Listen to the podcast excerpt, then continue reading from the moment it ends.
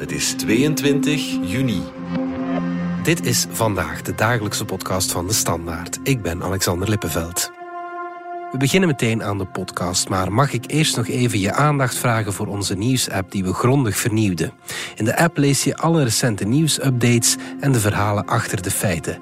Maar je vindt er ook meer zoals tips en inspiratie voor het leven. Download DS Nieuws nu in jouw App Store. Amerika en China praten weer met elkaar. De Amerikaanse minister van Buitenlandse Zaken Anthony Blinken en de Chinese president Xi Jinping drukten elkaar eerder deze week de hand. Het is al van 2018 geleden dat een hooggeplaatste Amerikaanse minister China bezocht. Dus dat lijkt goed nieuws, zeker omdat de spanningen tussen beide landen de laatste jaren stevig opliepen. Maar wat betekent deze ontmoeting echt?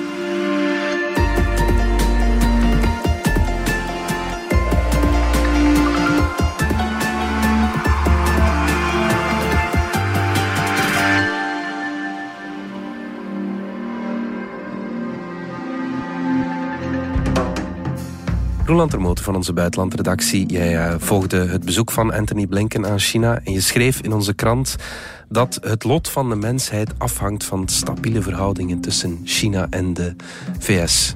Dat is een stevig citaat. Uh, stevig citaat. Het lot van de mensheid, dat heb ik zelf niet verzonnen. Dat is daadwerkelijk de term die Xi zelf gebruikt heeft. Dus hij heeft ook ronkende bewoordingen uh, gebruikt. Dat zijn heel grote woorden. Is het ook echt zo?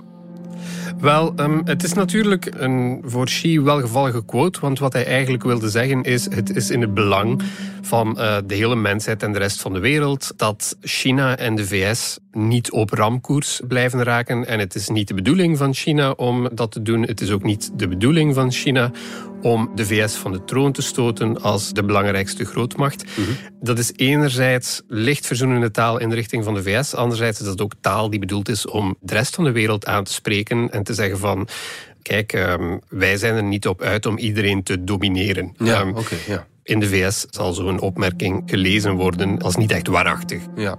Wat deed Blinken uh, daar de afgelopen maandag?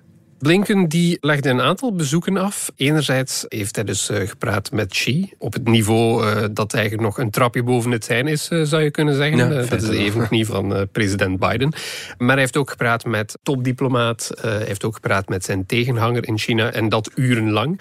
Wat er allemaal precies gezegd is, dat is een beetje onduidelijk. Dus hoeveel vooruitgang er geboekt is op substantie, dat weten we niet. We weten in ieder geval dat op een aantal dossiers eigenlijk best weinig vooruitgang geboekt lijkt. Er zijn een paar stapjes gezet. Ja, en achteraf spraken ze ja, verzoenende, typische persconferentietaal, zeg maar.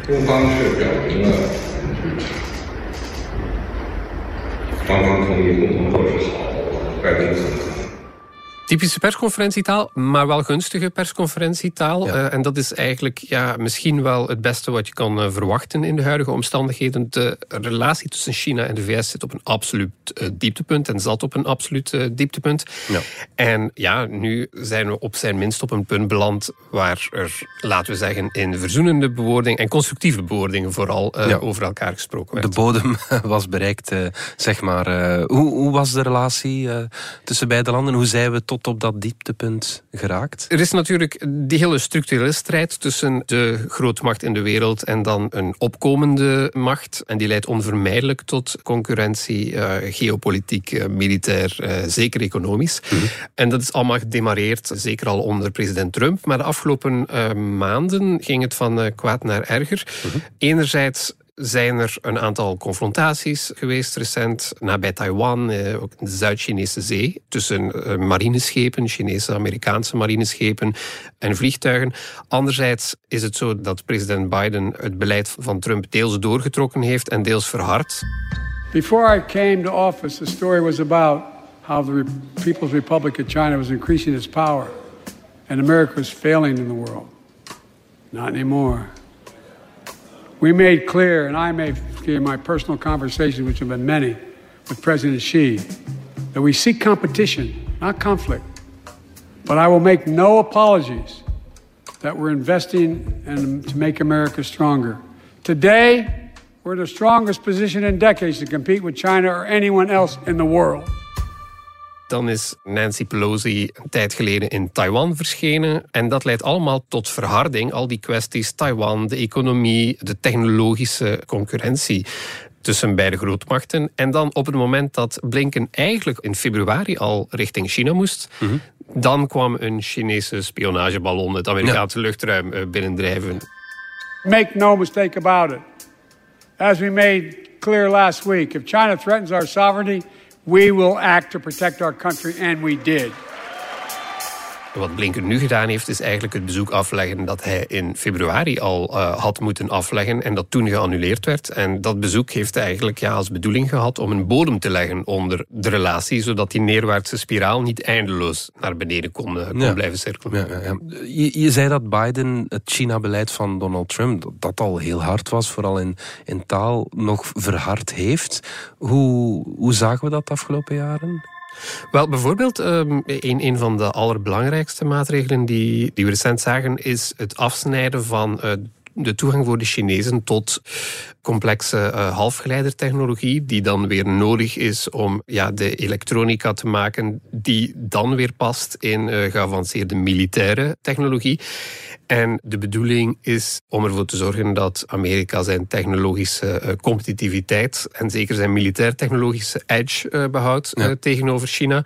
En dat wordt in China natuurlijk alles behalve gesmaakt.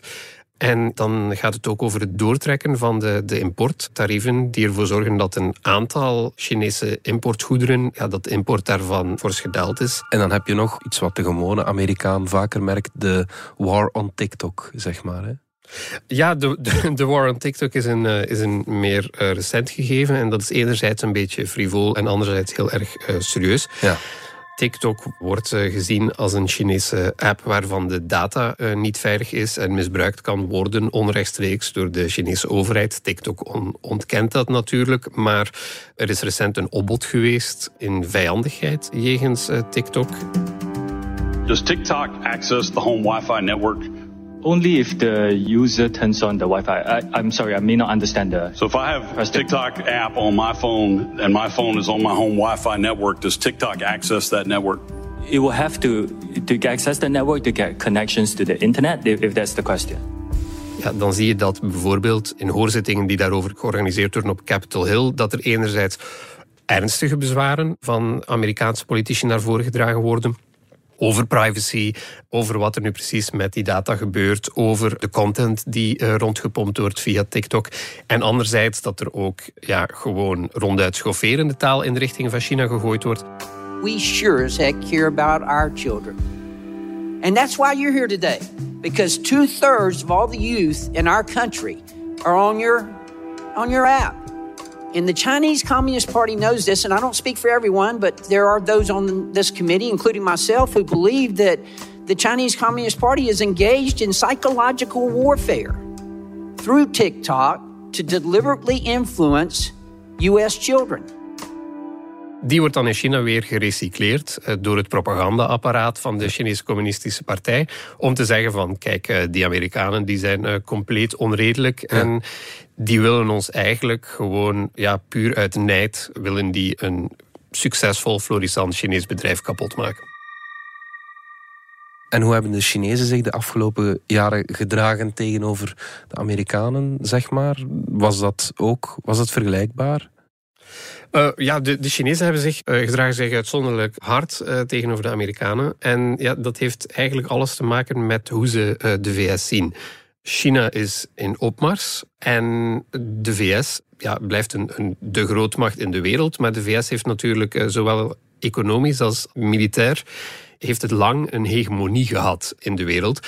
China contesteert die nu en vindt daar de VS op zijn pad. En vanuit China gezien probeert de VS zichzelf op oneerlijke wijze in het zadel te houden door China te fnuiken. Mhm. De bewoordingen die daar dan bij gebruikt worden, die zijn in zekere zin diplomatiek. China zegt altijd dat zij nog niet de intentie hebben om de nummer één grootmacht in de wereld te worden. Mhm.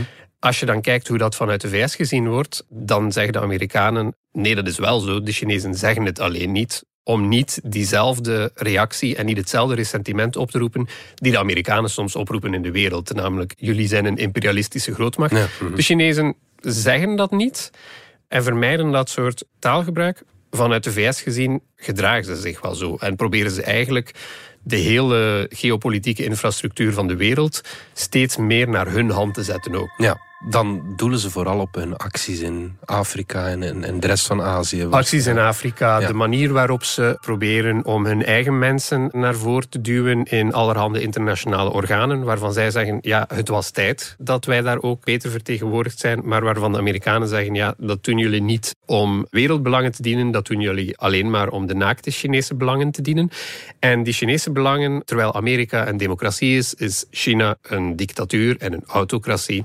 Ja. En dat betekent ja, dat het ook die waarden zijn die zullen primeren in de wereld als China zijn zin krijgt. Ja, die, die dictatuur en die autocratie, dat brengt ons wel bij Joe Biden. Die blaast tot warm en koud. Maandag zei hij nog dat de relaties tussen beide landen de goede kant op gaan. Maar een dag later zei al dat Xi een dictator is.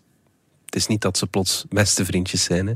Het, ze zijn absoluut niet plots beste vriendjes. Dat was ook niet te verwachten. En in die uh, zin zijn de woorden van Biden eigenlijk eerlijk, maar ondiplomatiek. Je moet weten waar hij die gesproken heeft. Het was op een campagne-event. In de VS is een opbod tegen China gaande, dus het is altijd goed om harde uh, retoriek tegenover China te gebruiken. Maar het is ook de echte opvatting die eigenlijk heerst in het Amerikaanse politieke bestel over China. Namelijk, China is een land dat onder Xi nog autoritairder is geworden, eh, dat de VS ook vijandig gezind is. Mhm. En eigenlijk maakt Biden het zo, zegt hij openlijk wat hij beter niet gezegd had een dag na de ontmoeting waar dat soort taal net vermeden werd. Ik kan me inbeelden dat Anthony Blinken wel eens met zijn ogen draait. Al die moeite. Absoluut, absoluut, absoluut. Anderzijds moet gezegd worden, de Chinezen zijn zelf niet vies van, van harde taal. Xi heeft eerder recent nog gewaarschuwd voor de meest extreme of extreme scenario's, worst case scenario's, en dat China daar klaar voor moet zijn. Oké, ja. Ook met Blinken in China werd er eigenlijk nog steeds op gewezen door Chinese functionarissen dat het uiteindelijk toch vooral Amerika is die deze neerwaartse spiraal veroorzaakt heeft. Dus mhm. langs beide kanten zijn er wat dat betreft blijvende fricties. Maar diplomatiek was het niet. Het was al van 2018 geleden dat een lid van de Amerikaanse regering nog eens naar China kwam. Dat is wel opvallend voor twee landen die elkaar economisch gezien toch nodig hebben, of, of niet? Het is heel erg dubbel, want die economische relatie, tegelijk zie je dus die importtarieven. En dat zorgt ervoor dat bepaalde goederen, dat de, de uitwisseling daarvan tussen beide landen, dat die daalt. Tegelijk, als je alles samenneemt, namelijk de hele bulk van goederen die heen en weer gaan tussen China en de VS, dan is in 2022 een nieuw recordpeil bereikt in het handelspeil. Bijvoorbeeld die hoog geavanceerde halfgeleidertechnologie daar uh, zie je wel uh, een flessenhals. En er zijn een aantal uh, andere gelijkaardige zaken die niet meer bijvoorbeeld van de VS richting China gaan. Een aantal zaken die niet meer van China naar de VS mogen komen. Maar bijvoorbeeld tijdens de pandemie is iedereen in de VS laptops beginnen kopen. En ja, daarop zijn, zijn er niet dezelfde strenge importrestricties mm. van tel. Dus ja, de laptop-import blijft gewoon draaien als een tirelier. En zo zijn er nog veel goederen die, die nog steeds wel heen en weer blijven gaan tussen de VS en China. Houdt de prijzen voor de consument in de, in de VS laag. Dus daar moet je ook rekening mee houden. Tegelijk zorgt het ervoor dat op bepaalde gebieden Amerikaanse arbeiders onder druk komen te staan. Wat je onder, en dat, dat heeft onder meer geleid tot de opmars van Trump. Wat je dan ziet is dat Biden probeert om zich daarvan los te koppelen, maar dat op, op een heel aantal gebieden die beide economieën nog steeds erg verstrengeld zijn. Straks vragen we ons af welke winst de VS en China concreet boekten de voorbije dagen. Maar eerst gaan we er even uit voor reclame.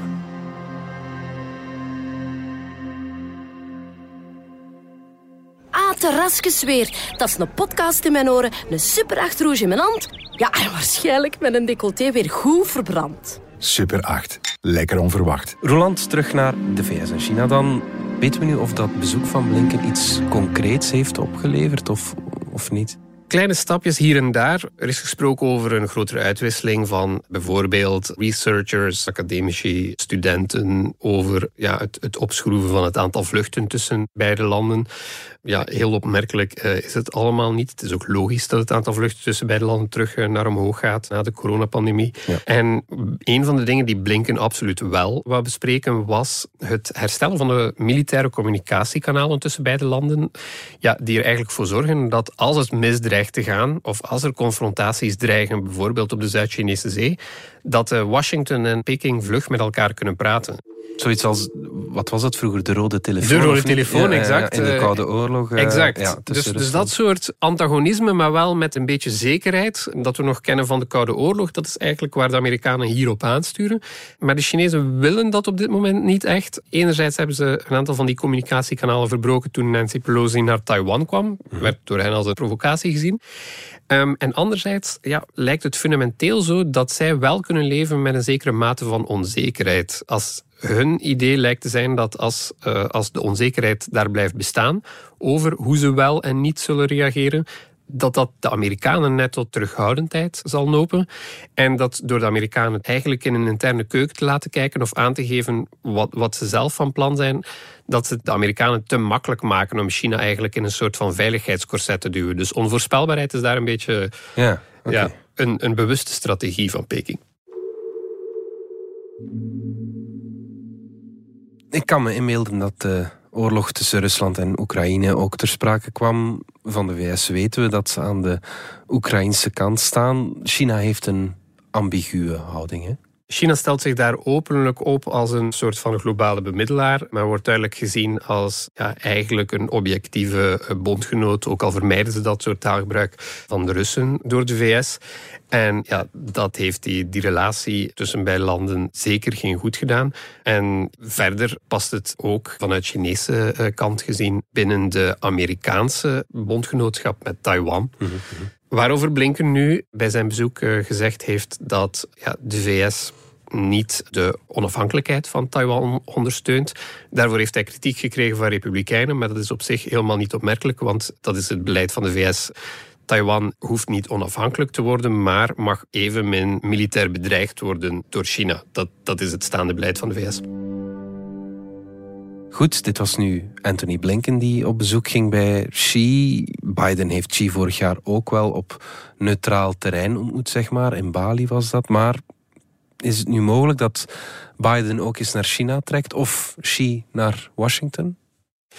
Dat, dat is nu in ieder geval mogelijk gemaakt. Eigenlijk het feit dat Blinken niet naar Peking kon in februari zorgde ervoor dat ook andere contacten bemoeilijkt werden.